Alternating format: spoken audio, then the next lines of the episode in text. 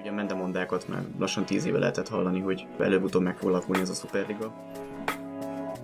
Számotokra a foci nézés, az egy társasági program, vagy inkább arról van szó, hogy olyankor te vagy, és a foci, és a csapat, és megszűnik minden más. Rengeteg kisgyereknek és fiatalnak ez egy olyan imponáló és motiváló erő, hogy ugye elkezdjenek sportolni, célt találjanak maguknak.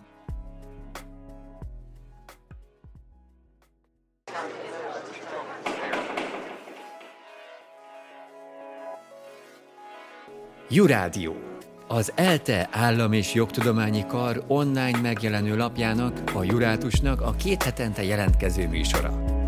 Itt eshet szó egyetemről és oktatásról, akár közéleti, akár tudományos eseményről, vagy meghívott vendégek által tárgyalt témákról.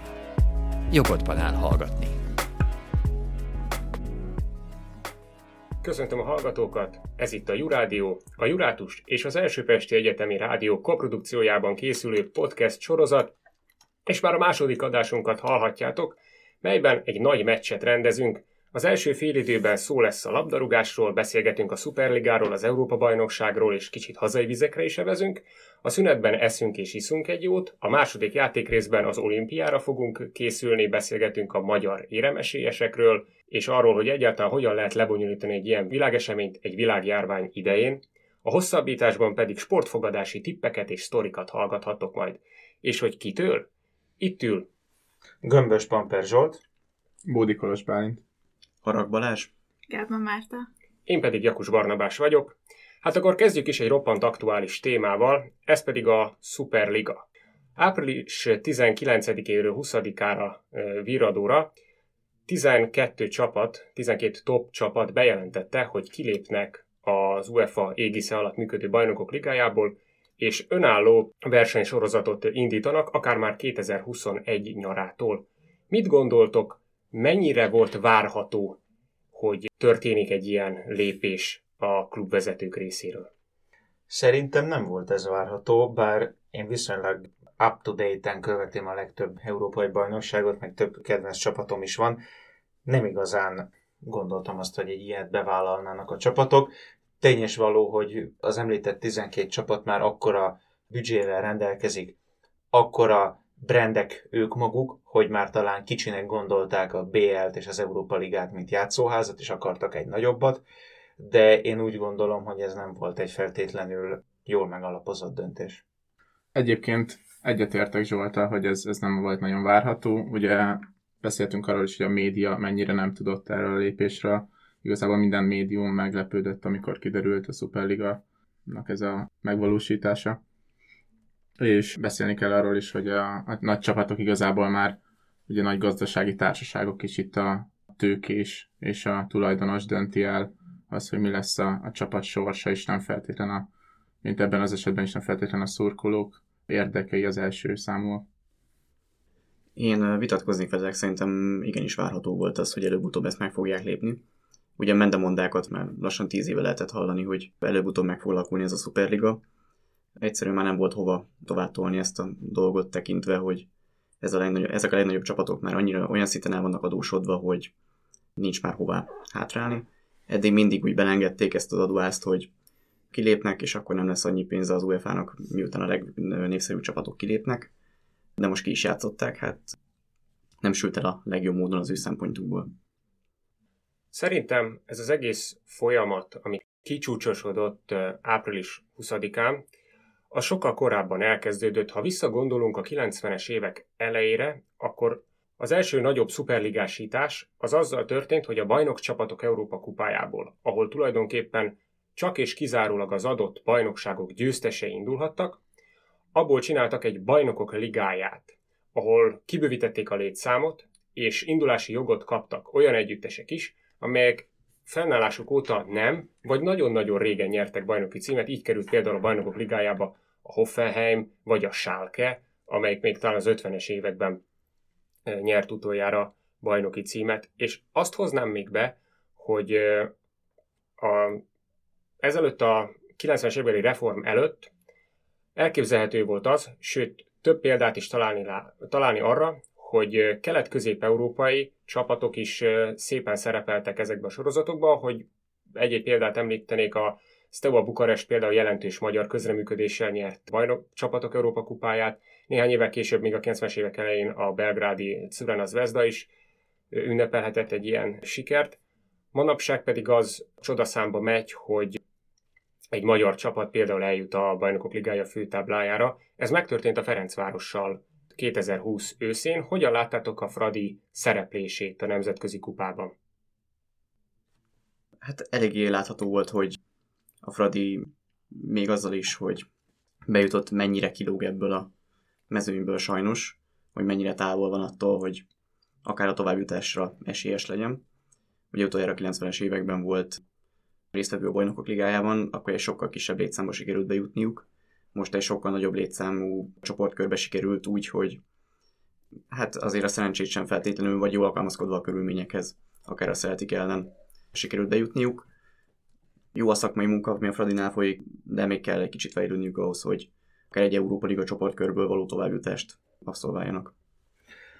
Mindenképpen olyan szempontból egyetértek a Balázsjal, hogy az biztos, hogy a Fradi az még nincsen az európai top szinten, úgy, hogy fölvehesse a, a versenyt minden évben az adott más európai csapatokkal. Ennek ellenére úgy gondolom, hogy egy kifejezetten jó és örömteli esemény volt az, hogy a Debrecen 2009-es csoportköre után újra volt magyar csapat a BL-be, és egy több mint egy évtized után újra szurkolhattunk legalább egy magyar csapatnak a, a BL csoportkörébe. Egyébként én ugyanazt tapasztaltam kicsit a közbeszédben, mint ami a Debrecen csoportkörénél volt, hogy függetlenül attól, hogy adott esetben a magyar foci rajongók milyen csapatnak szurkolnak, a Honvédnak, az Újpestnek, a Videotonnak, vagy bárkinek, vagy a Haladásnak éppen, mégis egy, egyként be tudott állni a nagyon sok magyar foci szurkoló Fradi mögé, hogy nagyon sokan be tudtak állni a Debrecen mögé 2009 nyarán, a selejtezőkben, és ősszel a csoportkörbe, és most is a, ugyanez volt a Fradinál.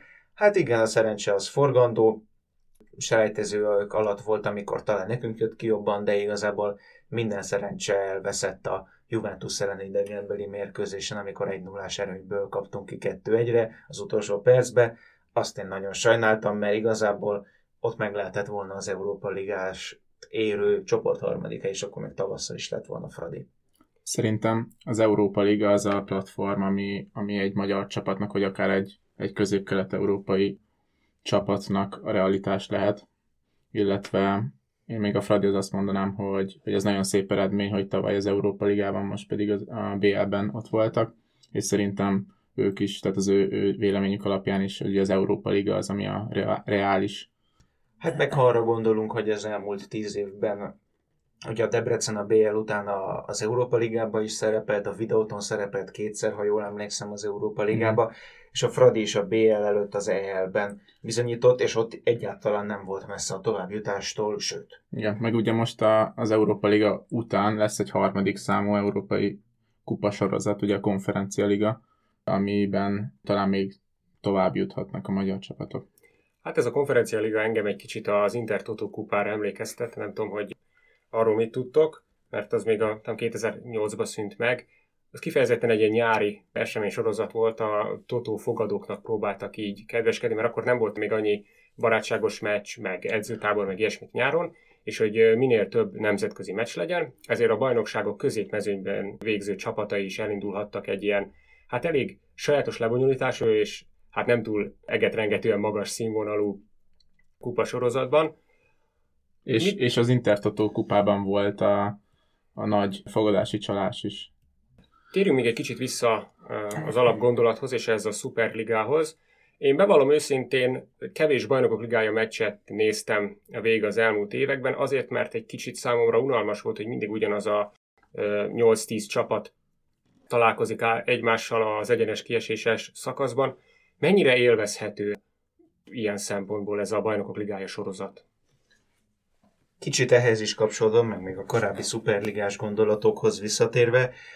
Olyan szempontból nyilván érthető volt a, a klubok döntése, hogy nekik pénzügyileg ez biztos, hogy megéri, hiszen a nagyon sok olyan focirajongó van, aki mondjuk hozzá hasonlóan Barnabás nem mindig néz BL meccset, vagy ha néz, akkor, akkor is csak a nagyobb meccseket, és ő neki sokkal jobb lenne, hogyha minden héten nézhetnének mondjuk egy Manchester Dortmundot, egy Bayern PSG-t, egy El Classicót, ahelyett, hogy mondjuk néznék azt, hogy a nyolcad döntőben még a Gent küzd a Portóval például nem lebecsülve azokat a csapatokat sem. Ettől függetlenül én már ak- akkor is, mikor ez a hír kirobban, meg most is igazából azokkal a szurkolókkal tudok egyetérteni, akik Angliában odavonultak a Tottenham és a Liverpool edző központja elé, és különböző transzparensekkel üzentek, hogy nem ezt várták volna el ezektől a tradicionális kluboktól, és én magam is úgy gondolom, hogy ez a Superliga nem igazán vitte volna el jó irányba ezt a labdarúgást, lévén, amit amit célő, amilyen célt ők el akarnak élni, azt már megvalósították a 90-es években a BL megreformálásával. Szerintem azzal, ami kicsit elhak, elhalkította a Superliga híre a, a BL-nek a reformját, ami 2024-től fog valósulni, mi szerint megnövelik a létszámot 32-ről 36 csapatra, jól tudom, és olyan csapatok is bejuthatnak, akik amúgy a bajnokságban nem kvalifikálták volna magukat a koeficiens számok alapján. Tehát például egy Manchester United a korábbi években simán főtáblás lehetett volna. Dacára annak, hogy ez a szabály korábban is létezik, dacára annak, hogy a bajnokságban nem sikerült kvalifikálni magukat. Tehát gyakorlatban ez a Superliga dolog megvalósult, hiszen ezek, ezek a legnagyobb csapatok, ezek most már nem képtelenek arra, hogy ne vegyenek részt a bajnokok ligájában, csak a lebonyolítás változott egy picit. Illetve az UEFA még mindig eldöntheti, hogy kinek osztja ki azt a pénzt, amit a Barcelona és a Juventus meccse megkeresett egymással.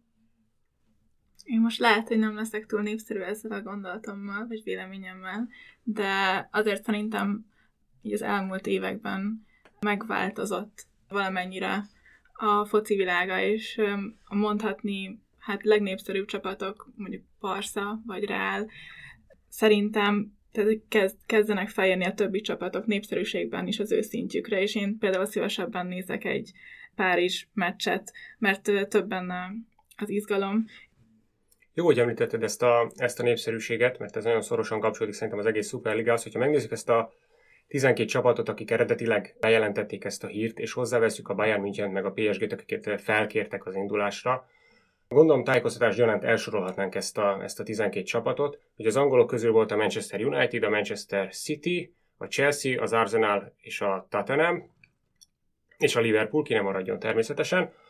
A spanyolok közül az Atletico Madrid, a Real Madrid és a Barcelona, Olaszországból a Juventus és az Inter. És a Milan. Na szóval ezek a csapatok nagyon nagy brandértéket képviselnek. Ezeknek a csapatoknak a mezeit, a szurkolói relikviáit veszik a leginkább Ázsiában, Amerikában. És szerintem ennek a szuperligának az is lehetett a célja, hogy ez a haszon, amit a mezeladások, a meccsnézések jelentenek világszerte, azok ne az UEFA-n keresztül az UEFA által lecsipegetve jusson el hozzájuk, hanem közvetlenül. Erről mit gondoltok? Nem is innen fognám meg. Inkább az, hogy, hogy ők 12-en kiválnak, ez kicsit nekem arra emlékeztet, amíg még a múlt században történt az Egyesült Államokban, amikor az NFL annyira kifejlődött, hogy ugye ott is átalakították a lebonyolítást, és létrehozták ugye a Super Bowl rendszert ennek köszönhetően nagy csapatok többet is játszottak egymással. Főleg az NBA-ben ezt még jobban eh, kimaxolták, ahol ugye évente három, négyszer, ötször találkozik adott esetben egymással két ugyanolyan gárda. És ha ez itthon, itt megvalósul Európában, akkor elveszne szerintem az a varázs, amit mondjuk az El Clasico ad, hogy fél, évente van egy El Clasico, a bajnokságban alapesetben, kivételesen a kupában vagy a BL-ben, és akkor arra az egy klasszikóra egy hétig készül egész Spanyolország. És ugyanígy Németországban a klassziker, a Dortmund, Bayern München. És még sorolhatnám, szóval azzal, hogy a fogyasztóknak kedveznénk a minél nagyobb eladásból és bevételből, az eredeti varázsa vesz neki számomra a játékból. Egyébként az amerikai modellt próbálják tényleg át, átvenni az európai klub fociba, ahogy a Zsolt is említette. Én azt szeretném kérdezni, hogy igazából mit gondoltok, hogy mi lesz a Superligával, tekintve, hogy nem szűnt meg, hiszen a Barcelona benne van, a Real Madrid benne van, a Juventus benne van, az Inter benne van, és még a Milán is benne van.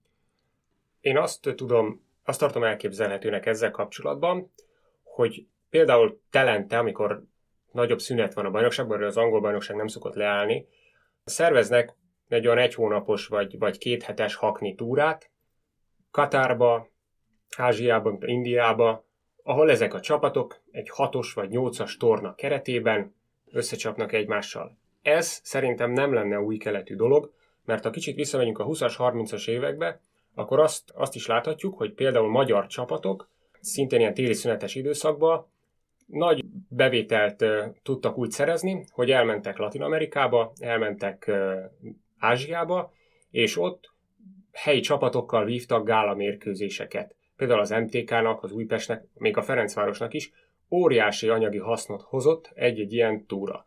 A 80-as években a haladás például Indiába 70-80 ezer néző előtt nyerte meg a Néru kupát 1983 most. 70-80 ezer néző egy magyar bajnoki meccsen szerintem az 50-es években jött össze utoljára, talán a kettős rangadóknál még később is.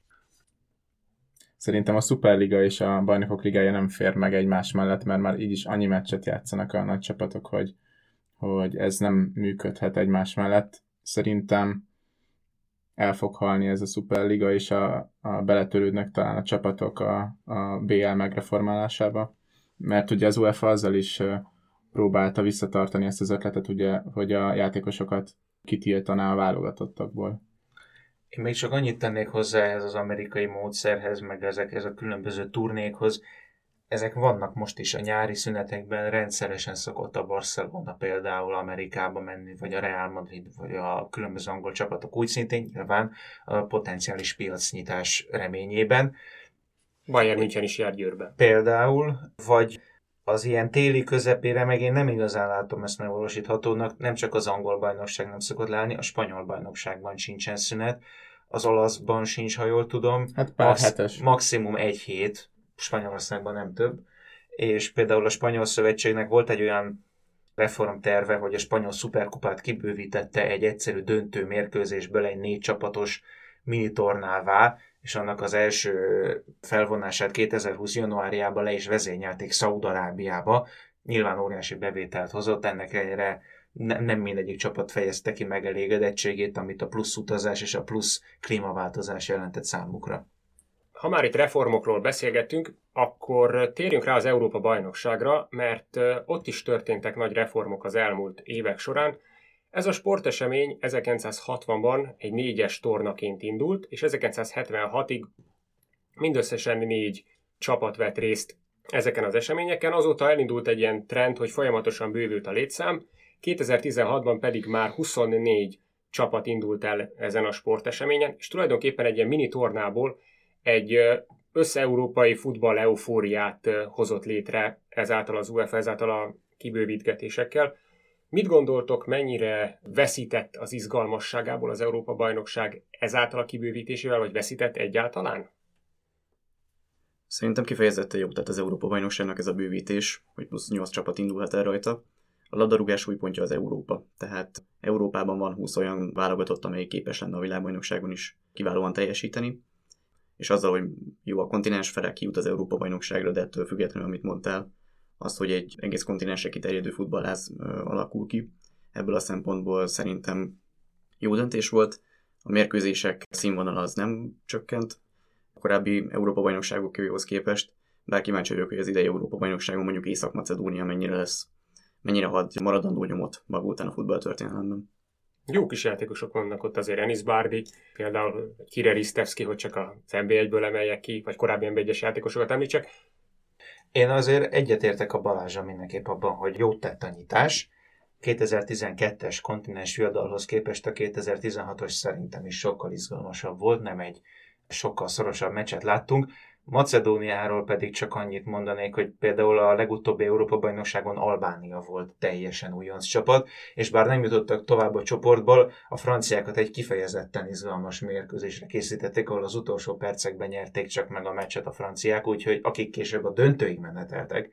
Úgyhogy talán ez jó men lehet így a balkáni országoknak, hogy ők is tudnak, ha nem is nagy meglepetést okozni, de emlékezetes mérkőzéseken részt venni. Megverték a románokat is illetve ugye az UEFA az EB létszámbővítés mellett ugye a Nemzetek Ligája koncepcióját is behozta az elmúlt pár évben, és szerintem ezzel is itt is próbálják növelni a versenyt, és személy szerint, és sok ismerősöm, barátom szerint is a válogatott meccsek jóval izgalmasabbak, mint a, a klub focis meccsek, és jóval élvezetesebb nézni is ezeket. Abszolút, hát mégis a, az igazi foci, én néha úgy érzem az ilyen világbajnokság, Európa bajnokságok alatt, két évente, hogy azért az igazi foci az mégiscsak az, amikor már válogatott szinten vagyunk. Tehát tekintettel arra, hogy amint mondtuk, a különböző klubok már teljesen elmentek a, a piaci modell irányába, és egy Liverpool úgy nyer bajnokok ligáját, hogy a támadó hármasukból egyikük sem angol, sőt az egész kezdő Nem is csapat, európai. igen, és az egész kezdő csapatban meg egy kezemen megszámolom az angolokat, és most nem csak őket pécézem ki, mert ez más csapatoknál Jó, is hát nem lehet mindenki Bilbao. más csapatoknál is el lehetne mondani valóban, Vagy Paks. de a, ez, a válogatott tornák, és az pont ezért jó, hogy itt mégiscsak a, a, az összetartás olyan szempontból a csúcsra járatódik, hogy visszagondolunk mi is 5 évvel ezelőtt, 2016-ban mennyire megmozgatta az egész országot, mikor a magyarok kim voltak az EB-n. A kulcs ebben a népszerűségben, ami a válogatott tornák jelentenek, az az identitás, ami az európai labdarúgás alapját jelenti. Gondoljunk csak egy Lációra vagy egy Szent Paulira, hogy a két Igen. Politikai szélsőségnek a a képviselőit megemlítsem. És szerintem ezért is halt el egyébként a Superliga, tekintve, hogy az amerikai sportoknál nem az identitás a lényeg. Simán lehet valaki Patriot szurkoló Kaliforniából, míg azért a kisebb európai klubok, most már a nagyobb, nagyobbakról beszélek, azért egy Gentnek valószínűleg kevesen szurkolnak Lengyelországból, mint mondjuk magában ott a környéken. Igen, a lokál patriotizmus az a kisebb csapatoknál jobban tetten érhető. Bár szerintem megvan ez Münchenben is, ha már nagyobb csapatokat említünk, csak ott a helyi München szurkolók ki tudnak menni a meccsre. Kimegy 70 ezer München, és kimegy 10 ezer turista. Míg egy tengeren túli Müncheni szurko, München szurkoló az nem tud, nem tud kimenni a meccsre, az csak meg tudja nézni a, a tévén keresztül, de, de egyetértek azzal, amit a Balázs említett. Kanyarodjunk egy kicsit vissza az Európa bajnoksághoz, és ahhoz az átszervezéshez mit szóltok, hogy most nem egy vagy két ország a házigazdája, hanem az egész kontinens. Tehát Budapestbe, Budapesten, Bukarestben, Londonban és egyéb európai nagyvárosokban kerülnek megrendezésre események. És Bakuban is. Én olyan szempontból örül, örülök neki, hogy Magyarországon is végre lesz Európa-bajnoki mérkőzés, nekem van is jegyem rá, szerencsésnek mondhatom magam ilyen szempontból, úgyhogy reméljük a legjobbakat. Szerintem is kifejezetten jó. Olyan élménybe lehet részen sok ezer magyarnak, amit még nem tapasztalt, és lehet, hogy nem is fog életében. Én azért örülök ennek a fajta lebonyolításnak, hogy több város ad otthon, nem csak egy-két ország, mert olyan országok is részesülhetnek ilyen futball élményben, hogy egy Európa-bajnokságnak a házigazdái, amik önállóan nem tudnának megrendezni egy ilyen eseményt. Magyarországon épülnek ugye a stadionok, meg már felépült jó pár, de ahhoz, hogy egy Európa-bajnokságot meg lehessen tartani, az itthoni stadionok a Puskás Arena kivételével kicsik. Viszont így Bakuban, Budapesten, Bilbaóban, bár ott pont, hogy nem lesz meccs, azt hiszem, Szevillában lesz. hanem érte. Szevillában lesz. Ezek is házigazdái lehetnek egy ilyen eseménynek, és ez a helyi turizmusnak és a helyi közösségnek is szerintem egy nagy lehetőség és nagy élmény. Mire számítotok a magyar csapattól? Én nem akarok vészmadár lenni, de szerintem ki fogunk esni egy ilyen csoportból, ahol a németekkel, 2014 világbajnokával, a franciákkal, 2018 világbajnokával, és a portugálokkal 2016 Európa bajnokával és a legutóbbi Nemzetek Ligája négyes döntője győztesével vagyunk együtt, mivel a harmadik helyezettek közül is tovább jut néhány, de ez egy olyan erős hármas, hogyha csak valami nagyon nagy meglepetés nem viszünk végbe, teszem azt, x egy meccsen, mondjuk inkább kettőn, akkor én nem hinném, hogy tovább tudunk jutni ebből a csoportból. Ennek ellenére nagyon fogok szurkolni neki. Én biztos vagyok benne, hogy lesz legalább egy döntetlen. Tehát, hogy biztos, hogy fogunk pontot szerezni szerintem. Am- Amit Kolos mondott, ahhoz szeretnék hozzátenni, hogy miért. A magyar válogatottnak kifejezetten jól áll az, amikor egy ilyen underdog szerepet játszik, amikor mi vagyunk az esélytelenebbek, nem nekünk kell szervezni a játékot, mi alkalmazkodunk a másiknak a játékához. Kontrajátékokkal, lásd Lengyelország elleni meccs első gólja, tudunk játszani, a három ellenfelünknek a játékosai azok ki lesznek facsarva, és nem ellenünk fogják életük teljesítményét nyújtani, valószínűleg felküldik őket a pályára, hogy játszatok a magyarok ellen, aztán majd tudásból lehozzátok. Itt ezek szerintem mindenképpen mellettünk szólnak. Nekem lenne egy kérdésem hozzátok. Akár kiúztok és meg tudjátok nézni élőben, vagy akár a tévéből nézitek, számotokra a foci nézés az egy társasági program, vagy inkább arról van szó, hogy olyankor te vagy, és a foci, és a csapat, és megszűnik minden más, és átveled a feszültséget, és mondod a tippeket, hogy ezt nem oda kellett volna, ezt oda kellett volna, tehát hogy így mit gondoltok? Én visszakötnék az első adásunkra, amikor is szóba hoztuk, hogy a filmnézésnél is teljesen más egyedül nézni, illetve közösséggel nézni. És itt is szerintem egyedül is teljesen jó nézni, akkor is át lehet szellemülni, viszont barátokkal, családdal, nagy közösségben jobban átjön tényleg ez a identitástudat is, amit a Balázs mondott a válogatott meccseknél.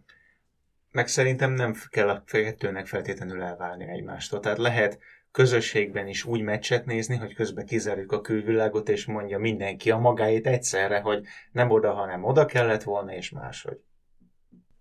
Én szerintem ez tud társasági élmény is lenni, és tud belső élmény is lenni, tehát egyetértek azzal, amit Zsolt mond, de szerintem egészen más dolog kimenni mondjuk egy MB2-es mérkőzésre, mint leülni a tévé el és megnézni egy Bajnokok Ligája találkozót, és nem csak azért, mert az egyik foci, a másik pedig nagybetűs labdarúgás, hanem, hanem azért melyik, is... Melyik, Szerintem Ezt mindenki döntse el. Hanem azáltal, hogy mostanság az én kedvenc csapatom az MB2-be játszik, olyan helyszíneire is el tudok jutni az országnak, és olyan, olyan élményekbe tudok részesülni, amikre különben nem biztos, hogy lenne módom. Tehát magamtól nem biztos, hogy elmentem volna Szarvasra, és megnéztem volna, hogy milyen hangulatos a körös partján a halászcsárda, ahol baromi jó húslevest készítenek.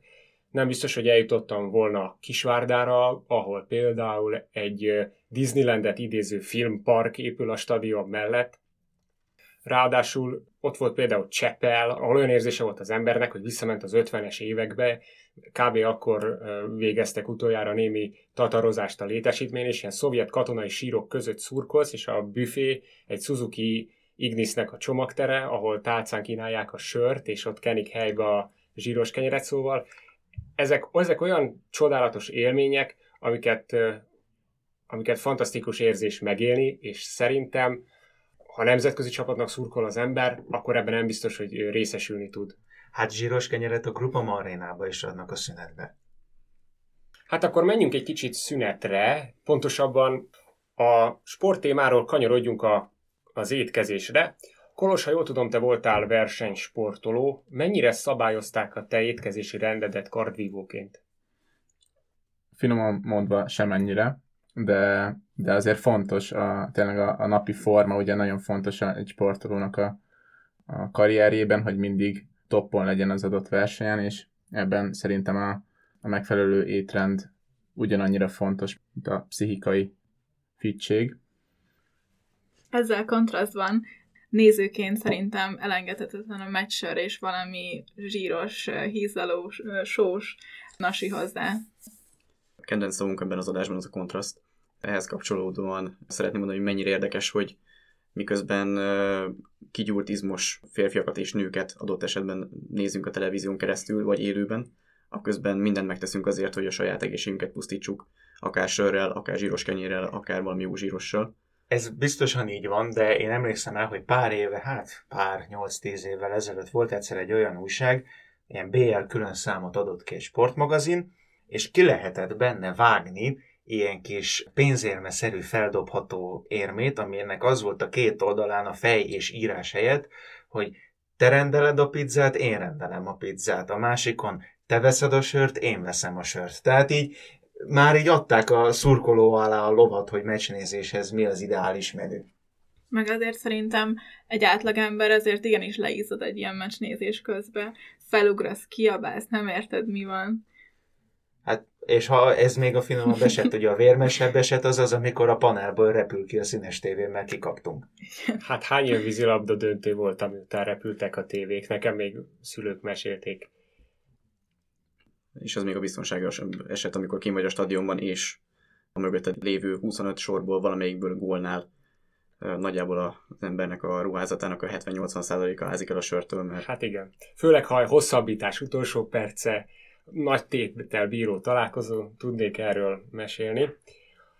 De most nem teszem, hanem egy kicsit vissza evickélek a kajáláshoz. Mit gondoltok, mennyire alakult át itt a Covid helyzet kapcsán az emberek étkezési szokása? Szerintem a Covid-ból, akik leginkább profitáltak, Annak ellenére nagyon sok vendéglátós ezt az időszakot megszenvedte, és még most is megszenvedi, mert nem mindenkinek van terasza, aki ki tudott nyitni elsőre. A nagy nyertesek azok egyértelműen azok különböző futárcégek, a két legnagyobbat most nem is említem név szerint, akik... Egy, hát a piros meg a kék. A piros meg a kék, akik uralják a piacot. Az egyikről fesztivál is van elnevezve. Igen, csak az másik, máshogy írja. Szóval ők kettőjük mellé más nem is tud belépni erre a kiszállítós piacra, ezt hallottam egy olyan ismerősöm, aki az egyik szervezetnek futárja, és belülről ismeri a, a, a terepet. Ők biztos, hogy ebből profitáltak. Igen, és azért ez egy nagyon jó lehetőséget is adott szerintem azoknak az embereknek, akik esetleg elvesztették a munkájukat, vagy kiegészíteni akarták vele, mert nem tudom, hogy tudjátok-e, de elég jó órapért lehet így szerezni. Meg hát így az én oldalamról is nagyon kényelmes lett csak egy gomnyomásnyira bármilyen ételt megszerezni. Biztos hatással volt a Covid az emberek étrendjére, tekintve, hogy sportolni csak megszorításokkal lehetett elmenni. Jó, ki tudja, mennyit tartottak be ebből de az, hogy könnyebben jutottunk ételhez és otthon ültünk, az szerintem évtizedes távlaton fog kiderülni, hogy mit is okozott a magyar társadalomnak. Vége a szünetnek.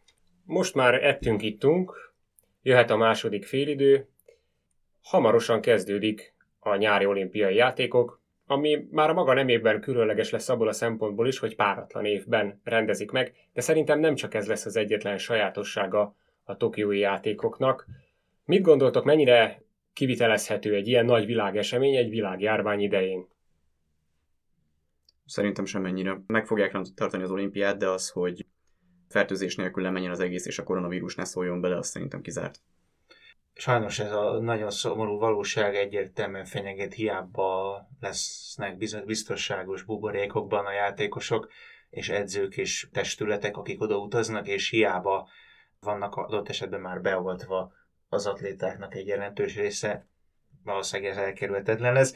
Hát szomorú, nyilván ez az egész helyzet ilyen téren, hogy 2020 elején még meggyújtották a lángot, és el is indult, és el is jutott Tokióba, csak mire oda megérkezett, addigra durvult el annyira a világjárvány, hogy már nem lehetett megcsinálni. Valóban, amit mondasz, hogy kivételes az, hogy páratlan évben van a játékok, de hát még tovább már ezt nem lehetett tolni. Tehát a foci EB és az olimpia is még azt kibírta, hogy egy évet eltolják, azt már nem bírnak, hogy újabbat tolják, lévén, hogy 2022-ben labdarúgó világbajnokság lesz. És téli olimpia is. És téli olimpia lesz. De novemberben kezdődik a világbajnokság. Főleg ezért. Véleményem szerint az olimpiát még mindig jobb megrendezni zárt kapuk mögött, mint hogy teljesen elmaradna, mert tényleg ezt, ezt nézik a legtöbben a, a világon, ugye a sportesemények közül. Rengeteg kisgyereknek és fiatalnak ez egy olyan imponáló és motiváló erő, hogy ugye elkezdjenek sportolni, célt találjanak maguknak, tehát szerintem ez egy nagyon fontos világesemény, és még ha zárt kapuk mögött is kerül megrendezésre, szerintem nagyon lélekemelő lesz ez a nyár, hogy ilyen események kerülnek, mint az EB vagy mint az olimpia megrendezésre. Abszolút egyetértek, muszáj, hogy megtartsák valahogy az olimpiát, lévén, hogy már nagyon sokan, sok ideje készülnek erre. Ugye tudjuk, hogy egy olimpiai ciklus négy év alsó hangon, ami most ötlet. Ami most már így öt is lett, tehát nagyon sok ideje és energiája van benne nagyon sok embernek, ezért ezt meg kell, hogy tartsák. Ugye a újkori olimpiák történetében tudjuk, hogy 1896 az első játékok óta összesen háromszor nem tartottak olimpiát, egyet az első és kettőt a második világháború ideje alatt, úgyhogy tényes vagy csak a legleges, legszélsőségesebb esetekben maradt el. Természetesen egy világjárvány is has, hasonlóan szélsőséges és pusztító esemény, mint egy világháború, de például a, a 20. század más fegyveres konfliktusaira alatt voltak olimpiák, és voltak olyanok, hogy mondjuk néhány ország bolykottálta, vagy nem vett részt, lásd a Moszkvai olimpia 80-ban, vagy a Los Angeles 84-ben, de azért igenis az olimpia az nagyon szerves része az emberek életének, és a már korábban említett labdarúgás belni identitás, ugyanúgy itt is a nemzeti érzéseknek ez egy vissza-visszatérő alkalma. Én egyetértek Kolos alattban, hogy lélekemelő lenne ezt megtartani, viszont a játékosoknak és a versenyzőknek pedig az lélekemelő, hogy ott vannak ugye a nézők. És hát azért itt gondolnunk kell rájuk is, hogy esetleg nincs hang, vagy robothang, robottaps, az lehet, hogy az ők is szívüknek se annyira jó és motiváló. Mit gondoltok a magyar esélyekről? Hát én nagyon bizakodó vagyok. Azt nem tudom, hogy hány aranyérmet, vagy hány érmet nyerhetnek a magyarok. Ugye visszagondolunk, Londoni olimpián 8 aranyérem volt, Rióban is 8 aranyérem volt, csak ott már kevesebb volt az ezüst és bronzok száma. Ki tudja. Én azért bizakodó vagyok olyan téren, hogy kajakkenuba egy-két aranyérem összejöhet, úszóknál szintén van egy-két olyan úszónk, aki szerintem nagyon erősen esélyes aranyéremre, és nem csak hosszú katinkára gondolok, hanem Milák, Milák csúcs Milák Kristófra, Rasovski Kristófra, talán Kapás Bogira, meglátjuk. Úgy szintén sosem lehet tudni, hogy a vívók mit hoznak össze, és ugyancsak nem csak Szilágyi Áron mesterhármasára, potenciális mesterhármasára gondolok, hanem például arra, hogy a női karcsapat sok Pusztai idő, Lizáikat említsük. Igen. női Meg- karcsapat Márton Annával sok idő után kijutott, és van esélyük. Vízilabdások örök, favoritok, főleg ugye 2020 januárjában megnyerték az Európa-bajnokságot, aztán pedig birkózók úgy szintén hát, ha valamit összehoznak.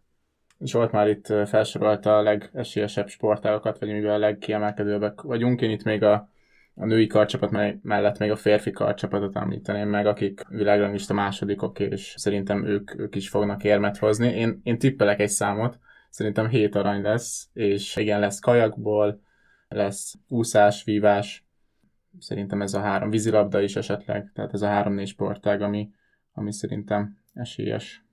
Van egy amerikai cég, ami egyébként minden, minden olimpiát megtippeli, hogy hány aranyat fognak nyerni az adott nemzetek.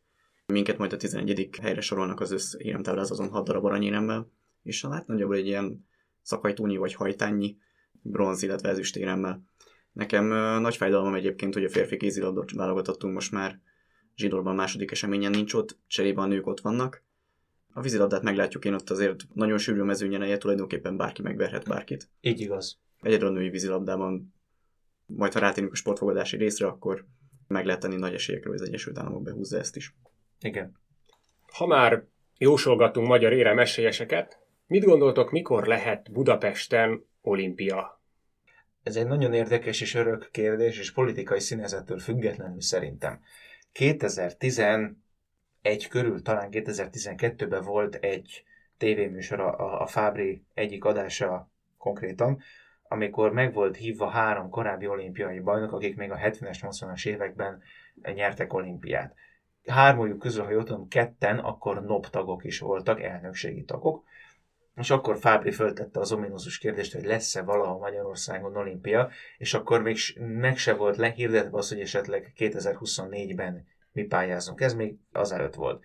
És akkor mind a ketten azon az állásponton voltak, hogy ez minden bizonyal egy nap eljöhet ez a pillanat, de az nem a közeljövőben lehet, hanem inkább egy nagyon hosszú perspektívikus 30-40 éves távlatban, és én ezt reálisnak tartom. Tehát tekintettel arra, hogy azért szép létesítmények épültek, nem csak focira gondolok, hanem például a Duna arénára, vagy az épülő kézilabda csarnokra is, de időbe telik ez. És például mondjuk Győrbe megrendezték 2017 nyarán az Európai Ifjúsági Olimpiai Fesztivált nagyon nagy sikerrel, de még idő és egyéb körülmények kellenek ahhoz, hogy Magyarországon olimpia legyen, de nagyon remélem, hogy még a mi életünkben erre sor kerül. Hát legkorábban 2036-ban lehet pont tegnapi hír, hogy Brisbane megtapta a 32-es olimpiának a rendezését. Hogy mi szól amellett, hogy Ma- Magyarországon olimpia lesz, az az, hogy az évtized végére minden létesítmény elkészül. A Kemény Ferenc programnak a hatására elkészült, gyakorlatilag elkészül, vagy elkészült gyakorlatilag minden az atlétikai stadiontól elkezdve, amit te is mondtál Zsolt. Közeljövőben szerintem nem lesz olimpia eh, Magyarországon, mivel a NOB a fenntartató olimpiát eh, szereti, vagy, vagy ezt kezdte el preferálni, és szerintem nagyobb országok fogják megkapni még a következő évtizedekben. Én esetleg azt elképzelhetőnek tudnám tartani, hogy nem önállóan rendezünk olimpiát, hanem egy V4-es olimpiát. Varsóval, Prágával és Pozsonyjal karöltve, akkor szerintem nagyobb esélye lenne annak, hogy, hogy megtérülne ez a történet. Másrészt szerintem ebben a régióban nincsenek olyan nagyon nagy távolságok. Elvileg addigra már kiépül a, a Budapest-Varsó gyorsvasúti hálózat, amely azt fog jelenteni, hogy 5 órán belül el lehet érni vasúttal a két város között repülőgéppel, ugye már most 45 perc körül van, van a táv. Én azt jobban kivitelezhetőnek tartom. Szerintem Magyarország önmagába túl kicsi ahhoz, hogy egyedül egy olimpiát meg tudjon rendezni.